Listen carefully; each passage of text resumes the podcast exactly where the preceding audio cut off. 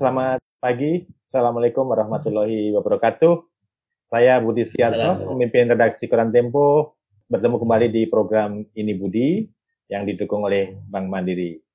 Kawan-kawan semua, Selasa depan tanggal 2 Juni 2020, tepat tiga bulan Presiden Joko Widodo mengumumkan kasus pertama COVID di Indonesia.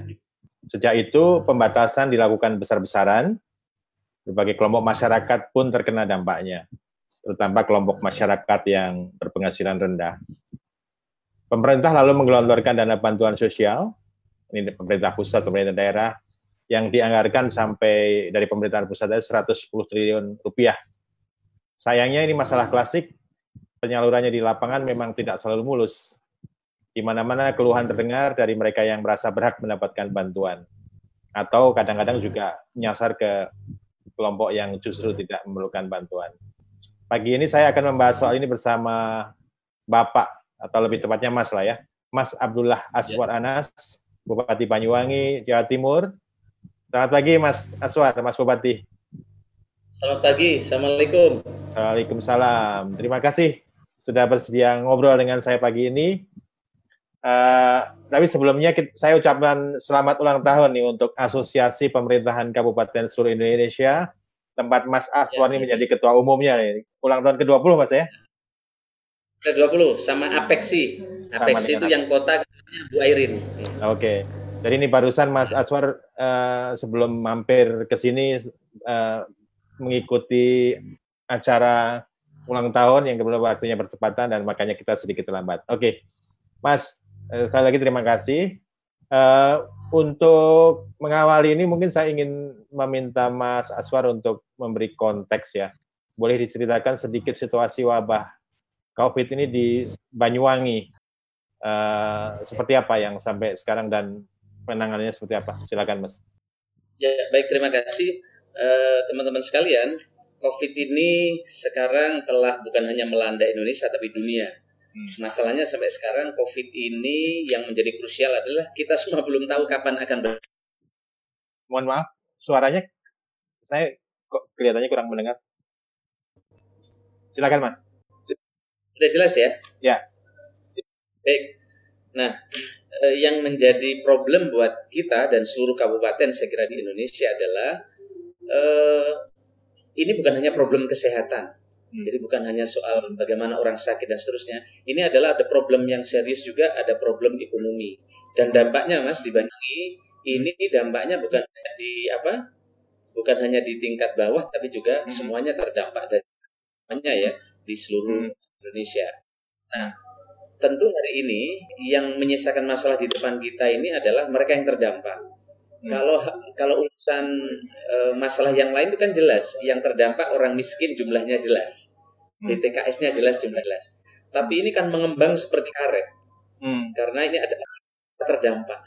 Hmm. Nah, sehingga cara apa pun yang akan dilakukan di dalam menangani ini, ini akan terus bergerak dan ini akan menyisakan vis besar orang yang tidak puas dengan apa yang akan ditangani oleh kita. Oke. Okay. Dan kita lihat potretnya, ya. bukan?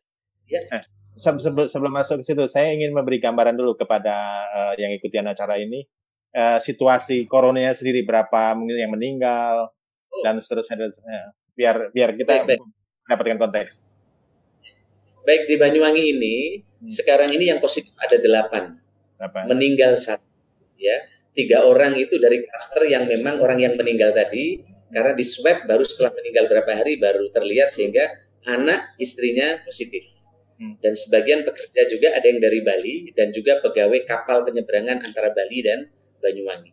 Kemudian di Banyuwangi sendiri PDP-nya ada 30, ODP-nya ada 840. Hmm.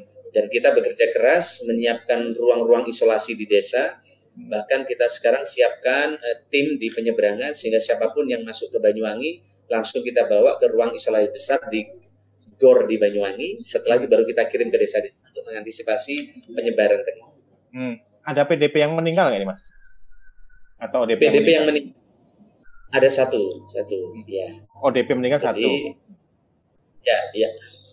PDP meninggal atau kalau dari saya saya lihat datanya delapan ini ya kalau nggak salah. Iya, iya, PDP. Ya, iya. PDP yang terakhir ini. Iya. Dan ya tadi kita terus bekerja sudah disebutkan berbatasan dengan Bali. Bali. Ada semacam perlakuan khusus gitu ya tadi terhadap orang-orang yang melintas pulau itu. Ya, jadi kita ber berkoordinasi dengan Pak Gubernur Bali sehingga uh, masyarakat yang akan ke Bali juga sama di diperlakukan khusus begitu dari Bali ke Banyuwangi. Hmm. Uh, ada berapa itu tempat atau isolasi yang disiapkan itu mas di Banyuwangi? Jadi setiap desa kita wajibkan ada rumah isolasi, kemudian ada rumah isolasi besar di GOR sebelum mereka dikirim ke desa-desa. Hmm. Tetapi ternyata mudah mengajak orang untuk menempati rumah isolasi yang disiapkan di desa. Hmm. Rata-rata hmm. mereka mereka tidak mau sehingga mereka rata-rata melakukan isolasi mandiri di rumah masing-masing didampingi oleh kepala desa. Hmm.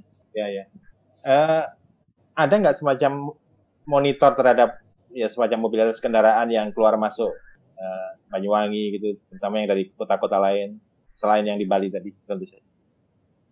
Kita di tiga titik mas, jadi di penyeberangan, kemudian di Kalibaru, Kalibaru menghubungkan Banyuwangi dengan Jember, kemudian di Wongsorojo yang menghubungkan Banyuwangi dengan eh, kota-kota uh, lain di sisi pesisir utara. Nah, hmm. di sana masuk, terutama yang akan ke Banyuwangi, kita data kita sudah pakai data scan sehingga dengan KTP Banyuwangi maka mereka sudah apa namanya terdeteksi mereka akan ke mana sesuai dengan KTP-nya. Hmm, data scan ya. Jadi ini sudah menggunakan teknologi ini ya? Ya, ya. Nanti karena tidak mungkin kita pakai manual pencatatan. Kebetulan kita sudah basisnya NIK dan kita sudah pakai smartphone. Ada 189 desa terhubung dengan fiber optik sehingga cukup dengan scan itu berdasarkan NIK sudah tahu akan ke mana desanya. Hmm. Kecuali mereka tidak pulang ke kampung sesuai dengan alamat KTP, baru mereka kita tanya nanti akan ke mana kira-kira. Ya mas. Eh, kalau saya lihat sih pencatatan di Banyuwangi sudah cukup bagus ya. Nanti tersedia data ODP aktif, DP sembuh meninggal, ada PDP aktif sembuh juga meninggal, eh, lengkap lah ini. Ini nah, tadi sudah disebutkan angka-angkanya ada satu yang positif meninggal, ada uh, satu ODP yang meninggal, dan 8 PDP yang meninggal ini kalau secara WHO kan memang sudah 10 orang yang meninggal ini kan yang bisa dicatatkan. Ini menurut Mas Anas ini angka-angka ini sudah menggambarkan situasi di lapangan Mas? Tentu eh, kami harapan saya begitu ya. Tapi kan hmm. kita bekerja keras terus untuk melakukan rapid test massal. Hmm. Kita sekarang melakukan rapid test massal Mas di mall-mall, begitu juga di tempat-tempat publik dan sekarang semua pe, apa frontliner Pemda ini kita rapid test massal beberapa hari ini dan memang ada yang reaktif, ada juga yang negatif. Nah, yang reaktif ini tentu otomatis positif karena ada beberapa yang reaktif tapi juga negatif. Ya. Kita berharap sih ini tidak tumbuh terus dengan cara yang kita kerjakan kendalikan berbasis desa. Karena ya, menurut ya. saya ini kuncinya di desa. Ya, ya. Memang uh, kalau semakin banyak tes kan mestinya semakin banyak uh, kasus gitu kan. Meskipun itu juga baik untuk kemudian di trace dilacak keberadaannya gitu.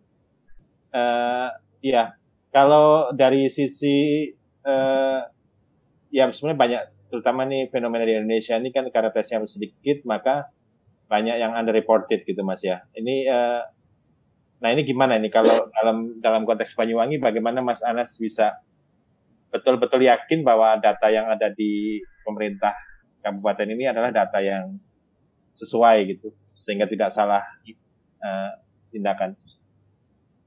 Jadi kita gerakkan puskesmas mas hmm. karena puskesmas penting relawan kesehatan ini menjadi penting para perawat untuk mereka turun ke bawah aktif melihat gejala sekecil apa pun untuk kemudian direspon dan hmm. membuat yang kedua untuk masyarakat tidak takut untuk menyampaikan ke kita hmm. dan yang kedua memperbanyak rumah sakit rujukan Hmm. Nah, dulu di Banyuwangi satu rumah sakit rujukan karena Banyuwangi ini sangat luas kawasannya ada 5.800 km maka kami sekarang sudah mengajukan 6, 6 rumah sakit rujukan baru.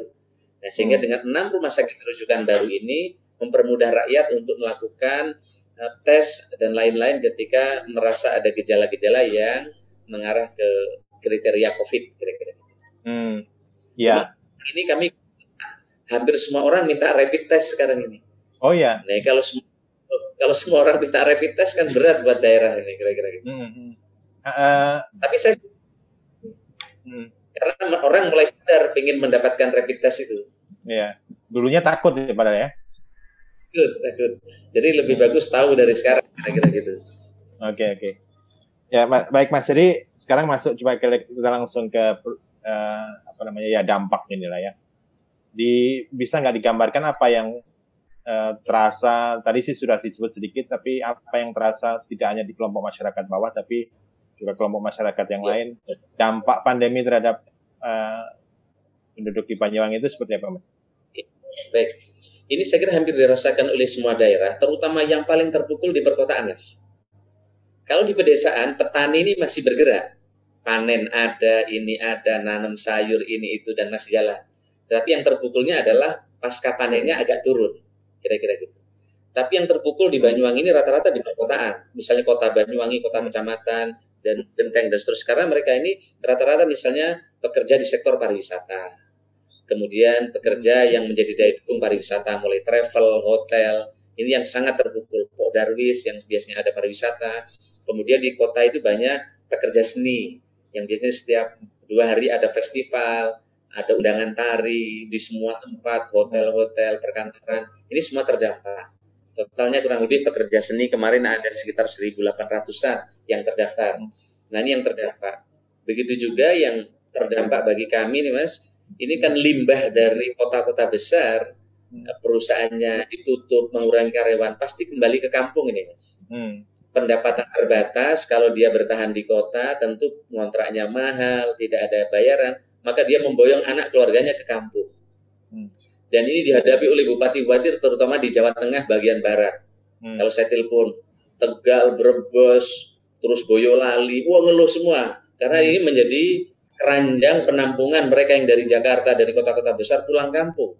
Hmm. Ya, terutama teman-teman saya kemarin Bupati Garut misalnya, tukang cukur di Jakarta kan banyak dari Garut misalnya dan hmm, seterusnya. Hmm, ya, askar, askar. Nggak ada, nggak ada orang cukur rambut lagi di kota-kota besar termasuk di Jakarta ya, akhirnya takut dia semua. dari bertahan di kota pulang di rumah dan ini kemudian kabupaten menjadi bebannya cukup besar hmm. dan ini dihadapi oleh seluruh kabupaten saya kira terutama ya. yang berdekatan dengan kota-kota yang melahirkan pekerjaan banyak. Nah, Banyuwangi paling banyak salah satunya dari Bali. Hmm. Karena hotel-hotel tutup, wisata ya? restoran ya? tutup, wisatawan tutup, kemudian yang bekerja membangun hotel kan besar sekali dari Banyuwangi, Mas. Hmm. Nah, kami terasa sekali dampaknya kira-kira. Gitu. Hmm. Oh ya, karena uh, Mas Aswari ketua Apkasi maka banyak laporan juga ya dari kabupaten-kabupaten yang lain. Dan wah Agus ini pusing-pusing mas. Ada yang ini kalau begini terus ada Juli sampai Agustus nggak bisa bayar gaji tenaga non PNS. Di, Kemudian di, dia protes. Eh, hmm. Ya daerah kami ini kan belum terdampak COVID kayak di Jawa kok Menteri Keuangan memperlakukan uang harus disekrap semua di AUDAK-nya. Kira-kira gitu ya. Hmm. banyak sekali. Iya, iya. Ya. Berapa kabupaten anggotanya? Kenapa, Mak? Berapa? 415 ya. 415 ya. kabupaten. Iya, banyak 400 lebih. Jadi macam-macam dihadapi oleh teman-teman ini, Mas. Iya, iya, iya. Uh, kalau tadi di khususnya di Banyuwangi tadi yang terdampak kan ada uh, bidang seni, uh, pekerja-pekerja yang memang kehilangan pekerjaan di kota-kota besar. Termasuk, termasuk ini mas, ketika saya dialog ke kampung-kampung, ternyata para mubalek, para kiai juga terdampak nyampaikan ke saya. Iya iya iya, nggak bisa berdakwah. Ya, ya. Anas sampai kapan ini COVID? Kira-kira halal bihalal sudah boleh belum? Kenapa? Kita udah tiga bulan, 67 undangan udah nggak bisa didatengin. Nah. Iya iya iya. Jadi biasanya inggung ada amplop untuk sedekah, semua kan nggak ada jadi mas mati semua ya. ini kira-kira gitu. Iya iya iya. Nah, apa yang dilakukan kemudian oleh pemerintah Banyuwangi itu Mas terhadap mereka-mereka ini? Iya, tentu kita ini menghadapi ini mesti meyakinkan ke bawah, Mas. Kan public hmm. policy itu kan tidak jalan kalau tidak dijelaskan sampai ke bawah. Karena hmm. front, front line yang ada di depan itu desa. Hmm. Saya kemarin bercerita, kita dengan desa udah vikon lima kali, ternyata distorsinya besar. Hmm. Karena desa nggak biasa vikon, Mas. Hmm sinyalnya jelek kali ya bukan jelek ini kadang di kuping panas tapi nggak paham. Sebenarnya nyambung tapi mereka kan nggak paham sebenarnya. Nah, feedbacknya lambat. Maka apa yang kami kerjakan saya kemarin keliling ke kecamatan-kecamatan waktu uh, mas waktu itu telepon kan kami pas menuju kecamatan. Kita jelaskan ada berapa kecamatan, kecamatan di Banyuwangi? Ada 25 25 25, 25 kecamatan, 5000 ribu sekian 800 km persegi ya. Iya, iya. Hmm. Karena dampaknya okay. ini seperti karena dampaknya ini seperti karet, sementara bantuan tidak bersamaan ini Mas, maka gelombang protes kan tinggi di awal-awal. Bagaimana kegaduhan yeah. di banyak daerah karena antara bantuan satu dengan lain ini nggak bareng. Ada yang sudah masuk data bantuannya hmm. baru seminggu yang akan datang. Terus gitu. Yang kacaunya lagi hmm. adalah ada sudah musdes, orang miskin sudah kita delete yang jadi kaya, yang meninggal sudah kita coret. Ternyata begitu kita kirim ke Jakarta, mungkin salipan, ini masih data lama yang dapat. Nah, inilah yang jadi salah satu kekacauan di beberapa daerah. Hmm. Tapi kata Tempo kan kita harus menyelesaikan masalah, nggak boleh ngeluh. Betul. Ini kita lagi bicara tentang solusi nih, solusi. Iya, iya. Oleh karena itu bagaimana menyelesaikan ini? Ya, inilah beban para kades mesti dibagi untuk diambil. Karena kalau Pak Kades ini bebani sendiri, pada waktunya dia akan buang badan sama kita. Hmm. Sama dengan anak-anak. Kalau tugas PR-nya terlalu banyak, paling pilihannya nangis. Nah, kalau dia nangis, tolong bapaknya. Udah tolong bapaknya. Atau kalau enggak, PR-nya dikurangi kan gitu. Hmm. Nah, supaya nanti kades-kades nggak membuang badan ini urusan Pemda, urusan pusat, nah kita ambil bebannya, Mas. Hmm. Maka data-data yang selip tadi saya minta, udah Pak Kades nggak usah rame, nggak usah ngeluh. Bapak masalahnya apa? Sama, masalahnya rata. Data orang meninggal, orang miskin yang sudah kaya masih muncul lagi. Nah, itulah yang kita ambil alih, Mas. Oke, hmm. sudah Pak Kades, nggak usah rame. Sampean pinten, yang masalah selip-selip. Dengan Pak Kepala Dinas hmm. Sosial diurai, nanti kemudian kita bantu mereka. Dari mana sumbernya? Dari APBD Kabupaten Banyuwangi untuk nambali yang kurang-kurang. Hmm. Sehingga kegiatan ini relatif bisa kurang. Karena kalau data tambahan yang lain di Banyuwangi relatif mudah karena kita sudah bisa diverifikasi lewat smart kampung. Begitu hmm. masuk double langsung nyala, langsung nyala kira-kira. Gitu. Apa smart kampung itu?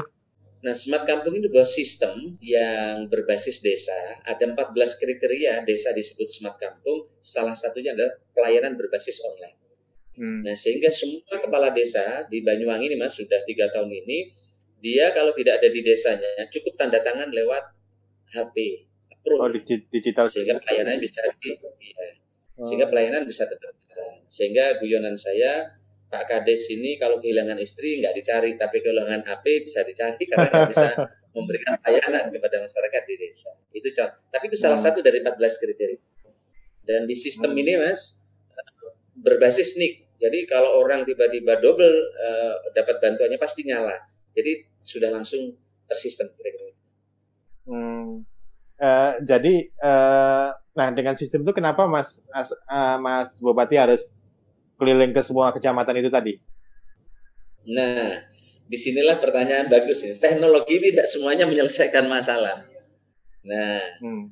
kades-kades ini Mas, sering saya sampaikan kades ini kan macam-macam Mas. Ada mantan kiai jadi kades, ustadz, anggota DPR, ada mantan supir, kernet, ada tukang sapu jadi dia kepala desa. Ini betul ini ada mantan apa ya tukang sabu ayam mas jadi oh. kepala desa karena di nah, karena dipilih ya rakyatnya ya. dan ini terjadi di seluruh Indonesia sehingga kita kayak kita jelaskan Vicon nggak semuanya ini sambung perlu jagongan ngopi kira-kira gitu nah inilah ternyata hmm. memang teknologi tidak menyelesaikan semua masalah dan hmm. saya sudah sampaikan teman-teman di desa bahwa kepala desa nggak harus paham teknologi karena kalau hmm. nunggu kepala desa paham teknologi, smart kampung ini lama jalannya, Mas. Hmm. Lalu apa? Yang penting kepala desa punya goodwill supaya dia menyiapkan dua tenaga IT di kampungnya, di desanya untuk jadi mengoperasikan. Maka saya sering cerita di awal-awal kepala desa tuh banyak ngepit iPad canggih-canggih mas, tapi nggak bisa suruh pakai gitu awal-awal. Nah inilah yang terjadi. Jadi bagi saya kades tidak boleh jadi hambatan untuk pelayanan berbasis IT. Nah, karena tidak semua kades paham tadi, maka kita perlu keliling kecamatan-kecamatan. Hmm, ya ya. Apa yang ditemukan Mas uh, Aswar ini di ketika keliling uh, apa namanya ya kecamatan-kecamatan ini? Ini ya. hampir setiap hari berarti keliling kecamatan ini ya? Ya, tapi sudah selesai sekarang, sudah selesai. Dan saya keliling full tim, Mas. Full tim. Hmm. Dinas hmm. sosial saya ajak, bagian pemerintahan, kemudian apa lagi, Pak? Uh, asisten lengkap semua Rata-rata dialog dulu, hmm. saya datang. Nah, setelah saya datang ini pindah lagi terus gitu, karena harus full tim. Karena orang nanya mulai teknis sampai kebijakan di desa itu. Saya kan nggak mungkin sampai selesai, ya? teknis. hmm. harus selesai. Bahkan hmm. saya bilang sampai buka puasa pun kita jalani selama bapak-bapak belum paham. Hmm. Nah, hmm. jadi itu paket. Ini saya banyak belajar dari situ. Saya banyak belajar. Jadi saya lihat ini menghadapi COVID ini ada kepanikan mulai dari Jakarta sampai ke daerah. Kenapa saya sebut kepanikan dari Jakarta sampai daerah? Karena hampir setiap minggu muncul SE baru ini. Mohon maaf, yang ini ya surat edaran baru muncul terus setiap minggu. Dari berbagai instansi ya? Iya, makanya bisa dipahami ada bupati teman saya yang dari luar Jawa itu marah-marah karena surat ini banyak betul. Ini belum selesai dibaca, belum selesai. Ini muncul baru lagi terus. Dulu nggak boleh ini, tiba-tiba boleh ini. Saya memahami karena Jakarta sendiri menghadapi problem ini rumit kira-kira gitu. Tiba-tiba pendapatan yang terkonfirmasi di Kementerian Keuangan tiba-tiba anjlok dan seterusnya dan seterusnya. Hmm. Jadi memang ini membutuhkan uh, dialog kalau enggak kepala desa ini tensinya tinggi mas, karena hmm. ngadepi rakyat juga tidak normal. Rakyatnya aja nggak normal. Hmm. Ibu-ibu maunya marah kenapa? Anaknya udah tiga bulan nggak sekolah, tambeng-tambeng lagi di rumah. Nah, jadi memang kuning semua, belum lagi pendapatan turun dan seterusnya. Tagihan listrik naik karena di rumah terus, AC nyala, sementara hmm. pendapatan menurun. Jadi memang situasi tensinya tinggi semua. Hmm. Nah dari sini maka saya lihat ini perlu dialog, kepala desa perlu diajak bicara supaya masalahnya reda sehingga setiap orang komplain sabar. Hmm. Jadi berapa ini ya. berapa penerima dana bansos ini mas di Kabupaten Banyuwangi totalnya dan apa saja ya, dana di Kabupaten Banyuwangi ini totalnya warga miskin 193 ribu mas. Hmm. Sementara penerima BPNT sembako 109 ribu di Banyuwangi. Kemudian tambahan data penerima sembako itu per April Desember 29.800. Hmm. Sementara total penerima sembako itu 139.000. Jadi hmm. antara data kemiskinan, kemudian yang menerima beras, yang menerima uang ini beda-beda, Mas. Hmm. Jadi sampean bisa bayangkan tetangganya nerima PKH, hmm. berarti 200 ribu. Kan gitu paket. Sementara ada BLT desa 600 ribu. Ini aja dari tetangga sini kan bisa masalah ini banding-bandingin ya. Kan bisa pusing. Akhirnya yang dapat BLT ini, boleh nggak saya tukar ini? Akhirnya Pak Dinas Sosial menyampaikan, saya, boleh tapi yang awal kembalikan lagi. Saya kira gitu. Oh. Sekarang enggak. muncul sekarang muncul SE, SE baru. Saya tahu nggak SE berapa yang terbaru? Apa Dari enam ratus ribu. Surat edaran baru bukan lagi enam ratus ribu yang BLT-nya. Oh. Turun tiga ratus ribu. Oh dikurangi. Tiga ratus ribu. Ya sekarang. Hmm. Jadi dinamis sekali memang. Ini kalau stafnya nggak bisa baca dengan baik, memang muncul kepusingan bagi kepala daerah di daerah. Bisa miss ya di di, di itunya. Iya, ya, nah. kira-kira gitu. Eh, uh, kalau tadi dengan itu tadi jumlah yang disebut Mas uh, Bupati itu sudah termasuk yang tadi datanya diambil alih oleh Bupati itu atau belum? Iya, iya, iya. Jadi gini, sudah masuk. Jadi bagusnya Mas, KPK mengeluarkan edaran sama kementerian, daerah boleh memasukkan di data DTKS baru jika memang dianggap orang miskin ini belum masuk. Hmm. Sebenarnya sudah ada ruang bagi daerah, jadi tidak melanggar, kira-kira gitu. Hmm. Cuman masalahnya dulu daftar yang lama itu yang keluar masih daftar, daftar lama. Nah mudah-mudahan di second round ini di putaran kedua ini data dari pusat sudah benar semua sehingga hmm. tidak menimbulkan masalah daerah. Hmm. Ya. Jadi sebenarnya kalau saya lihat eh, pendekatannya Mas Bupati ini adalah dengan eh, turun dialog dengan eh, birokrat yang memang tidak seragam pengetahuan dan juga teknologinya gitu. Dan saya waktu itu dengar cerita katanya diancam juga ya. Kamu mau lebih baik rame di sini apa rame di medsos gitu ya? Iya, jadi gini. Gimana ceritanya? Setelah saya ini, Iya, jadi gini, setelah saya keliling, ini pasti dispute-nya besar. Hmm. Artinya missing-nya ada. Nggak mungkin valid data ini. Melihat dinamika tinggi. Maka akhirnya saya bilang ke Pak Kades, hmm. Pak Kades, kita harus umumkan data ini. Oh, di mana? Di desa, di masjid, di gereja. Wah, gimana Pak Bupati? Wong kami nggak diumumkannya di serbu warga, apalagi diumumkan. Dia bilang gitu. Nah, kan gitu. Hmm. Nah, akhirnya perdebatan terus saya bilang, sampean lebih bagus diserbu di medsos yang kadang 50% mengandung fitnah. Belum tentu benar saudara sama di banyak daerah tahu semua atau sampean diserbu di desa yang batang hidungnya yang yang komplain kelihatan. Oh, kalau gitu ya setuju mending di desa gitu. Nah, nah. Terus dia nanya, tapi gimana Pak Bupati kalau banyak yang komplain saya nggak bisa menyelesaikan gimana? Udah nggak apa-apa saya main catat. Nanti setelah itu gitu kita selesaikan bersama. Hmm. Karena kalau nggak tetap ribut kan, ribut ini. Akhirnya kita tempel ini. Hmm. Akhirnya kepala desa ada juga yang tambeng karena yang dimasukkan keluarganya, oh. yang dimasukkan orang dekatnya. Tapi nggak banyak begini-begini, ya oknum lah. Hmm. Nah, tapi akhirnya kan yang lebih banyak yang kerja beneran tadi. Akhirnya kelihatan di daftar itu. Kira-kira gitu, Pak. Jadi menjadi koreksi semua. Jadi mekanisme cross checknya oleh warga ini ya? Oleh warga. Yang kedua, ini kan, oh, yang jarak jauh kan nggak bisa juga ngecek. Masa harus daftar ke kantor desa kan gengsi dia kantor desa. Maka kita pasang di masjid, ada yang pura-pura sholat terawih sambil ngecek masuk nggak, kira-kira gitu. Hmm. Nah, ada juga kita pasang di gereja. Dan akhirnya kita pasang online. Hmm. Sehingga di Banyuwangi ini dengan mudah orang bisa komplain online. Komplain online. Nah, sekarang yang komplain online udah di atas 7 ribu, Mas. Hmm. Tapi kita verifikasi.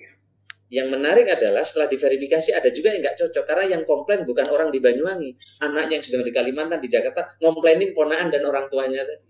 Hmm. Sebagian ada yang oke, sebagian ada yang nggak oke. Ini apa base-nya web atau WA atau apa? Komplain online itu? Nah, ini pakai web ya. ya. Dan di sini teman-teman membuat aplikasi nanti basisnya nick. Jadi cukup memasukkan nick. Hmm.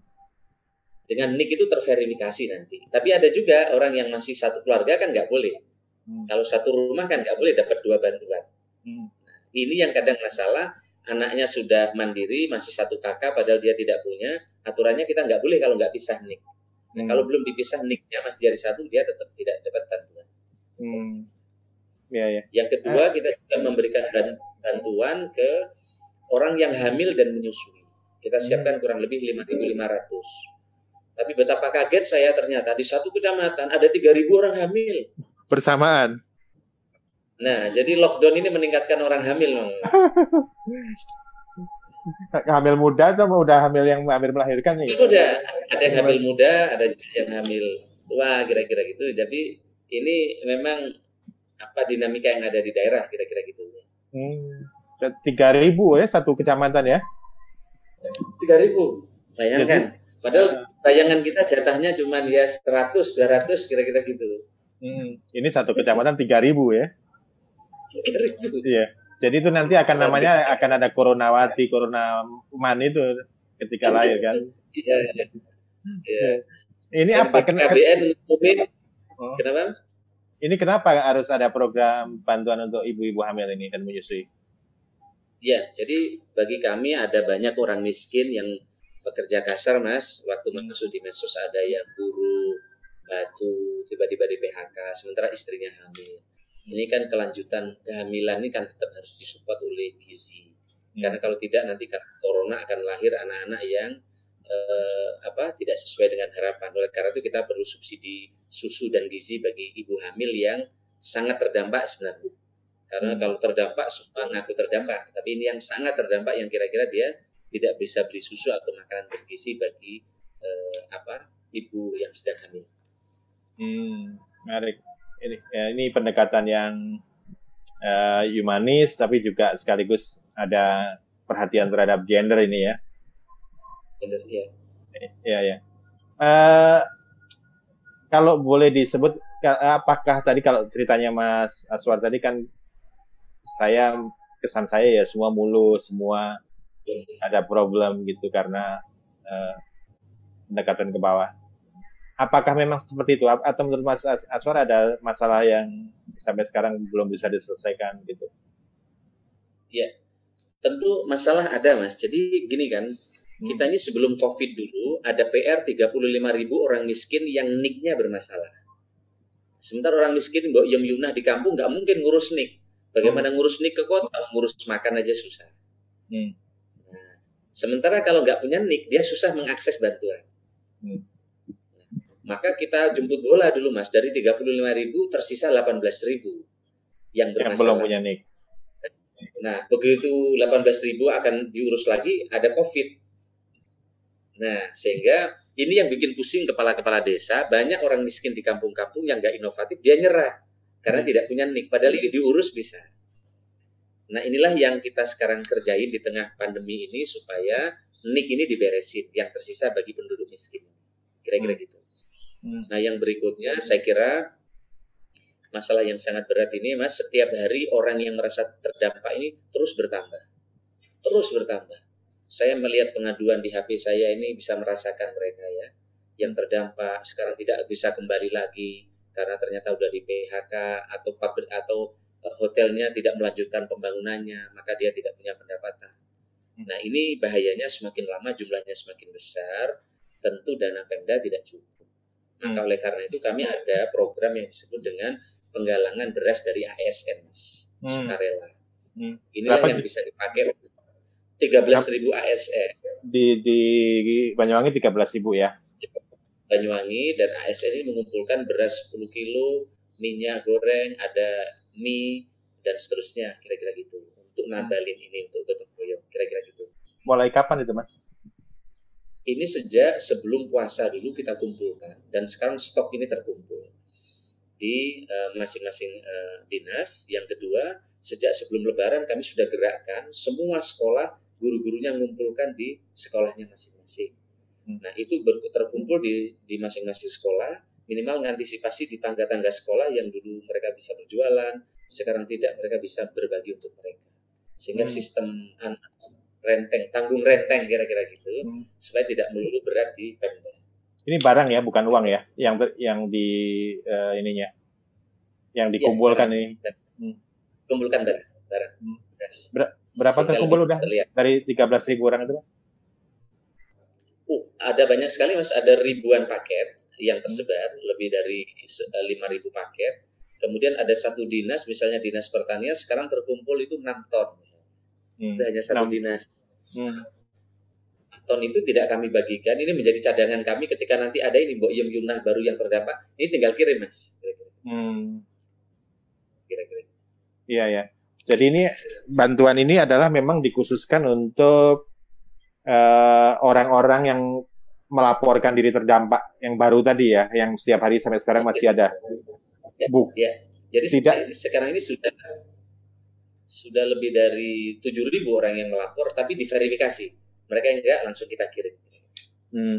Jadi yang dikumpulkan tadi tidak diberikan kepada uh, mereka yang sudah menerima bantuan yang tadi jumlahnya sekian ribu itu ya? Ya, tidak boleh ya. Hmm. Dan karena nanti penerima bantuan juga didata di database kita sehingga kelihatan mereka sudah dapat bantuan apa dan seterusnya. Hmm. Ya, Mas kalau dari informasi-informasi yang ya secara obrolan di aplikasi dan kawan-kawan, eh, apakah problem yang Mas eh, Aswar hadapi itu juga kurang lebih mirip atau eh, variasinya berbeda sangat besar? Uh, hampir mirip mas ya, mirip. Tapi problem mereka sebagian yang serius ini karena defisit keuangannya sangat besar, sementara geografis mereka juga jaraknya berjauhan. Itu yang paling berat, sehingga hmm. konsolidasi daerah itu sangat berat. Kami ini beruntung di Jawa, sejauh-jauhnya masih terjangkau. Hmm. Tapi bayangkan teman-teman yang perlu naik perahu, perlu sampai dua hari, dan seterusnya, dan seterusnya, ini tantangannya akan sangat berat. Inilah yang dihadapi oleh teman-teman di daerah terkait dengan problem seperti ini. Hmm. Meskipun di daerahnya tidak terdampak, tapi limbah dari kota kan orang ini pulang. Hmm. Sementara di daerah sulit untuk didapatkan uh, sembako atau pendapatan yang seperti normal biasanya. Oke, okay.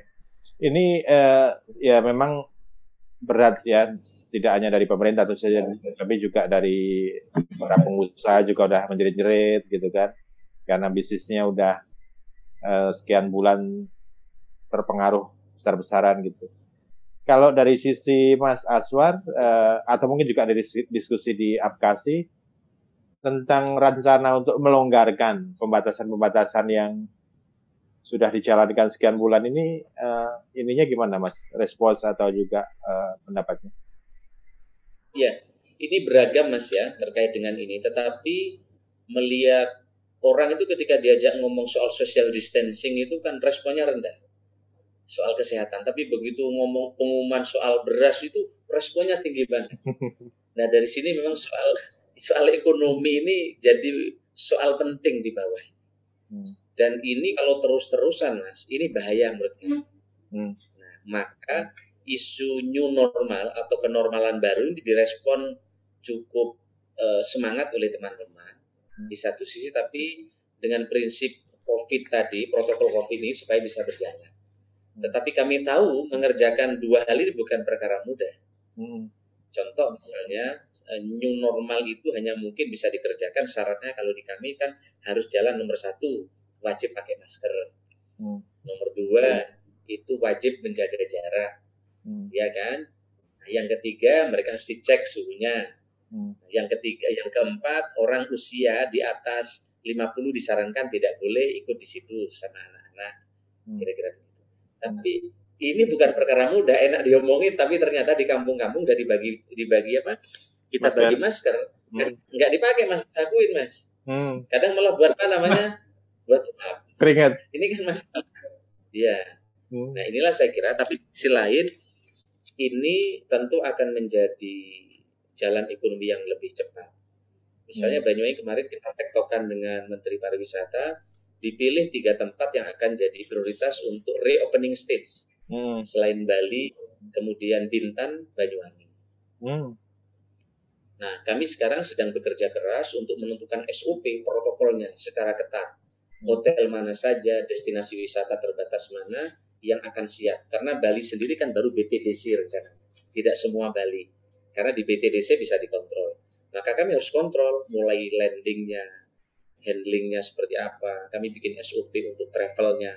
Karena harus bisa dipastikan semua ini termasuk hmm. restorannya harus menggunakan APD, SOP SOP ini sedang kami matangkan termasuk dengan Perbu sehingga nanti ketika new normal atau kenormalan baru khususnya pariwisata yang akan jadikan pilot project salah satunya Banyuwangi hmm. kita sudah bisa jalankan. Hmm. Kan, apa katanya eh, kenapa Banyuwangi dipilih Mas menurut Menteri Pariwisata?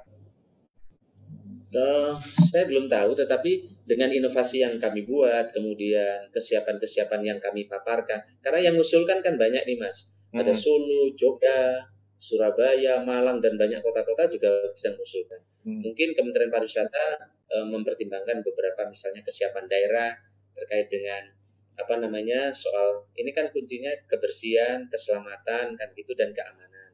Hmm. Nah, mungkin juga tipologi wisatanya kan kami outdoor juga lebih banyak hmm. karena orang habis covid ini salah satu pilihannya kan outdoor pantai gunung hmm. apa namanya hutan yang memungkinkan jaraknya gitu. lebih lebih luas gitu ya ya kemudian kami bandara kami juga udah siap internasional kemudian kami paparan SOP SOP yang kami siapin ini uh, oleh kementerian mungkin diyakini ini bisa jalan. Hmm. hmm. Jadi rencananya kapan akan juga. mulai? Kalau timetable-nya sih kami sampaikan kira-kira nanti kita ini Juni Agustus. Ya, Juli, sorry maaf Juli. Kan ini masih tetap eh, tahapan kita sekarang ini membuat SOP. Kemudian minggu depan kita sosialisasi. Setelah sosialisasi kita nanti ada apa yang disebut dengan eh, apa namanya eh, percobaan ya. Kita nanti simulasi simulasi oh kalau ada tamu seperti apa penanganannya. Tapi ini sambil jalan SOP di hotel-hotel udah jalan semua nih mas. Hmm. Maka beberapa hotel di Banyuwangi sekarang yang extend banyak setelah melihat merasa aman, hmm. merasa nyaman sudah pakai APD dimulai dari yang tukang masaknya kira-kira. Oh sudah mulai ada tamu-tamu yang berdatangan di hotel-hotel. Bahkan ada yang okupansi beberapa minggu, eh, hari kemarin 80 persen. Oh ya? Iya. Siapa, siapa mereka? Kan wisatawan belum ada uh, ini orang yang jenuh mungkin dari Surabaya, dari Kediri, dari berbagai kota di Jawa Timur itu milih di sini. Tadinya rencana semalam. Hmm. Nah, ternyata setelah lihat pelayanan merasa aman di extend sampai tiga malam. Hmm. Menarik, menarik. Sambil lihat pantai. Hmm. Yeah. Kan murah di sini makanan lumayan tapi murah kira-kira gitu ya dibanding hmm. Bali ya. Hmm. Tapi tadi Mas uh, Answa juga mengakui kan bahwa uh, memang ya tipikal sebenarnya tidak hanya di Banyuwangi tapi ketika dipaksa untuk social distancing eh, atau physical distancing itu agak susah. Memang banyak sekali faktornya lah. Tapi begitu dibuka ini seperti antusiasme mereka justru lebih tinggi. Nah ini gimana itu nanti Mas? Aswar memadukan antara kebutuhan uh, apa tadi yang membuka memang perlahanan ekonomi tapi juga sekaligus menjaga agar kesehatannya ini tetap juga terjaga. Kalau kita lihat pengalaman di beberapa tempat lain, ya, sebut aja Korea gitu ya, itu kan juga begitu dibuka ada second wave. Uh, ini gimana nih? Nanti rencananya Mas Aswar gimana? Ya, makanya Mas kami di Banyuwangi ini berstrategi. Berstrateginya begini, sebelum saya mendorong new normal pariwisata, kita sekarang kita melakukan new normal keagamaan. Keagamaan. Karena konsolidasi, ya konsolidasi lewat kegiatan keagamaan ini akan jauh lebih masif ke bawah dibanding sektor-sektor yang tadi ini. Maka kemarin lusa kami mengumpulkan kiai-kiai NU.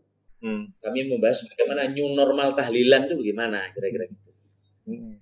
Ini kan hal-hal yang ada di sisi kita. Tapi harapan saya bukan soal normal tahlilannya, tapi bagaimana kita melakukan sosialisasi penggunaan masker ini sampai ke lapis bawah. Karena kalau hanya kampanye biasa yang datang orang biasa, tapi kalau begitu bicara tahlilan, ini lapis bawah kumpul.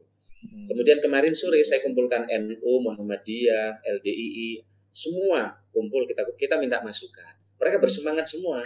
Hmm. Nah, bagaimana caranya segera tahlilan tahlilan ini boleh, termasuk pengajian ibu-ibu muslimatan dan lain-lain. Nah, di situlah kita sampaikan ini boleh semua dengan catatan lima tadi bisa jalan. Hmm. Satu wajib pakai masker yang kedua jaga jarak. Nah mereka tanya, pripun lek grione ibu-ibu ini sempit nggih mboten sakit karena itu nggak ada jarak kira-kira gitu. Hmm. Kemudian usia dibatasi. Terus muslimah nanya loh, justru muslimah ini banyak ibu-ibu tua lah, ibu-ibu hmm. tua ini yang berat. Hmm. Nah ini kita sampaikan kira-kira. New normal di sektor keagamaan. So kita diprotes mas di mana-mana. Hmm. Kita ini mal boleh sholat Jumat nggak boleh. Ini gimana pemerintahan ini? Hmm. Gitu mas. Iya, iya. Nah, supaya kita nggak diprotes kayak Jakarta, kita mulai new normal tahlilan dulu ini. Ya tadi kalau usia 50 itu justru yang merasa harus dekat dengan akhirat nih mereka harus ngajinya lebih kuat kan gitu. iya, malah nggak boleh. Ya ini ya, harus kita jelasin pelan-pelan. Hmm. Ya. ya, ya. Tapi itu memang tantangan yang berat ya, tidak hanya di Banyuwangi bahwa ya. memadukan antara kebutuhan kesehatan tapi juga uh, tentang ekonomi. Eh, satu lagi Mas untuk sekolah gimana rencananya di Banyuwangi? Ini kan tahun ajaran baru juga ya. Sekolah ini kami belum dapat panduan ya dari Jakarta seperti apa. Kalau keagamaan kemarin kenapa kami bergerak? Karena Depak sudah mengeluarkan beberapa panduan untuk pondok pesantren. Meskipun menurut saya itu berat untuk dilakukan oleh pondok pesantren. Hmm. Nah, untuk sekolah ini kami belum ada uh, timelinenya seperti apa. Tapi kalau kami baca ini kan kalau mengarahkan anak ke sekolah ini kan tempatnya terbatas, mm-hmm. tempat terbatas dan ini memungkinkan anak bukan lagi bisa sosial. Sementara anak-anak sekolah mana bisa suruh social distancing. Yeah. Begitu ke temennya ya sodor-sodoran, gelut-gelutan itu semua. Betul. Ini yang saya kira dihadapi oleh kita yang menghadapi karena misalnya oke okay, misalnya dibagi dibagi anak-anak. Tapi kan gurunya tetap terbatas, bisa overload gurunya kalau dibagi siang sama sore. Gurunya kan tetap sama. Hmm. Ini kalau tanya ini jujur agak complicated. Hmm. Saya kira soal mulai kembali sekolah. Hmm. Paling mungkin paling ya masih adalah hmm. nanti anak masuk bisa dua hari sekali. Hmm, digilir gitu. Ya, hmm. bisa dua hari sekali. Waktu hari ini mereka tidak masuk, dia bisa online. Nah, sehari berikutnya offline. Hmm. Kira-kira begitu. Sehingga guru tidak overload, tidak harus mengajar di sore hari maupun di jam yang berbeda. Kira-kira. Hmm. Oh, memang ini tapi untuk pendidik untuk sekolah ini belum ada uh, eh, SE atau panduan belum ya, ada ya. Guidance-nya belum keluar kecuali yang Kementerian Agama karena pesantren sedang mau masuk. Hmm. Tapi di pesantren social distancing kan susah mau satu kamar bisa 10 anak. Iya, itu dia. Itu, itu. Hmm. Mem, mem, ya. Betul betul. Baik baik. Ya oke. Okay. Jadi uh, kalau boleh saya sedikit tadi kalau wisata itu berarti akan dimulai bulan Juli atau Agustus dengan pertama-tama adalah menetapkan standar-standar yang baru gitu ya di, di kafe di hotel dengan, di... Des, dengan destinasi sangat terbatas mas hmm. ini bagian dari uji coba ya sangat terbatas Bo boleh disebut nggak yang sudah dipikirkan Mas Aswar destinasi yang kira-kira akan nanti dibuka pertama kali? Ya. Jadi begini, ini adalah destinasi hotel yang memang siap, Mas. Oh. Di mana ada hotel yang sekaligus jadi destinasi. Hmm. Itu kan ada hotel di Banyuwangi yang bagus di pinggir pantai. Hmm. Sehingga dari situ dia bisa langsung menikmati pantai.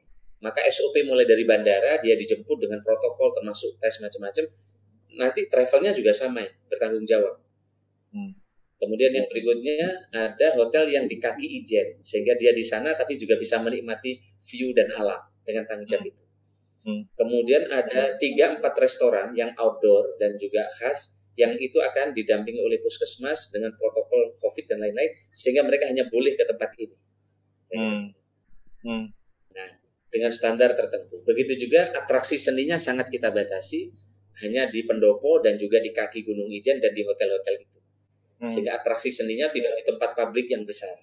Hmm. Jadi misalnya gandrung yang biasanya di alun-alun sekarang nggak bisa lagi. Nanti kita panggil di pendopo, di depan pendopo mungkin hanya 50, mungkin 100 or, eh, atau 50 orang berjarak, dia bisa menikmati dan seterusnya. Hmm. Ini yang apa namanya yang sedang uh, di di exercise oleh kita. Sehingga memang betul-betul siapa yang berkunjung menikmati Banyuwangi mulai datang dari bandara sampai pulang ini terkontrol kira-kira gitu. Oke. Okay. Tidak banyak terlibat kira-kira. Ya, Mas ini uh, sedikit teknis berarti ini kan nanti ke, kalau misalnya saya bisa wisatawan dari Jakarta misalnya gitu kan. Jakarta masih PSBB masih artinya mungkin tingkat penularannya juga masih tinggi. Saya pengen ke Banyuwangi, nggak ada kebutuhan untuk uh, self isolate isolate uh, isolated juga dong ya. Untuk nanti kebutuhan. ada rapid test. Oh, ada rapid test. test. Rapid test, rapid test di sini. Jadi okay. ada hotel yang menyiapkan paket rapid test di hotel itu. Hmm. Kira-kira. Oke, okay, oke. Okay. Oke Mas, jadi kurang lebih nanti kalau udah uh, perekonomian dibuka dengan standar yang baru, mudah-mudahan juga lancar, tidak ada gelombang baru penularan, yang itu artinya nanti akan perlahan-lahan akan mengurangi orang yang terdampak secara serius dari wabah corona itu ya, yang tadi kata Mas uh, Bupati ada sekian orang yang setiap hari melaporkan diri sebagai uh, orang yang berhak menerima bantuan. Kurang lebih gitu, yeah. Mas nah, Bupati. Oke, terima kasih sudah menyediakan waktu untuk berbicara berbincang-bincang dengan kami, Mas Aswar. Saya kira Makasih, Mas, saya undang untuk saya undang untuk nyoba tiga destinasi uh, prioritas yang reopening state nanti Banyuwangi. Di, di new normal ya. Iya, di new iya. normal ya. di Banyuwangi. Ya, terima kasih kalau saya bisa mengurus SIKM di Jakarta ini, kalau enggak nanti saya nggak bisa ngasih masuk ke Jakarta lagi gitu. gitu. Oh iya iya iya. iya, iya. bisa balik, bisa nggak bisa, bisa balik. balik Iya. Jadi saya kira itu tadi adalah eh, praktek-praktek uh, yang baik yang memang topik siang hari ini adalah bagaimana uh, tadi komunikasi Mas Bupati dengan uh, kepala desa dengan masyarakatnya uh, juga pendekatan-pendekatan yang memang transparan gitu ya agar misalnya kepala desa mengumumkan uh, penerima bantuan dan seterusnya adalah praktek baik yang memang kita sengaja tampilkan pada acara siang hari ini. Tentu saja belum sempurna, tapi pasti bisa menjadi inspirasi buat banyak orang. Apalagi ini Mas Aswar juga ketua umum dari Asosiasi Pemerintahan Kabupaten seluruh Indonesia. Oke, semoga semakin lancar di hari-hari ke depan, Mas. Uh, ya, yang rencananya. Oke, buat kawan-kawan semua yang mengikuti acara ini, demikian tadi pembicaraan saya dengan Mas Aswaranas, Bupati Banyuwangi, dalam program Ini Budi yang didukung oleh Bank Mandiri. Semoga ada manfaatnya, semakin sehat, terus sehat, dan tetap aman. Kita kembali ke minggu depan. Assalamualaikum warahmatullahi wabarakatuh.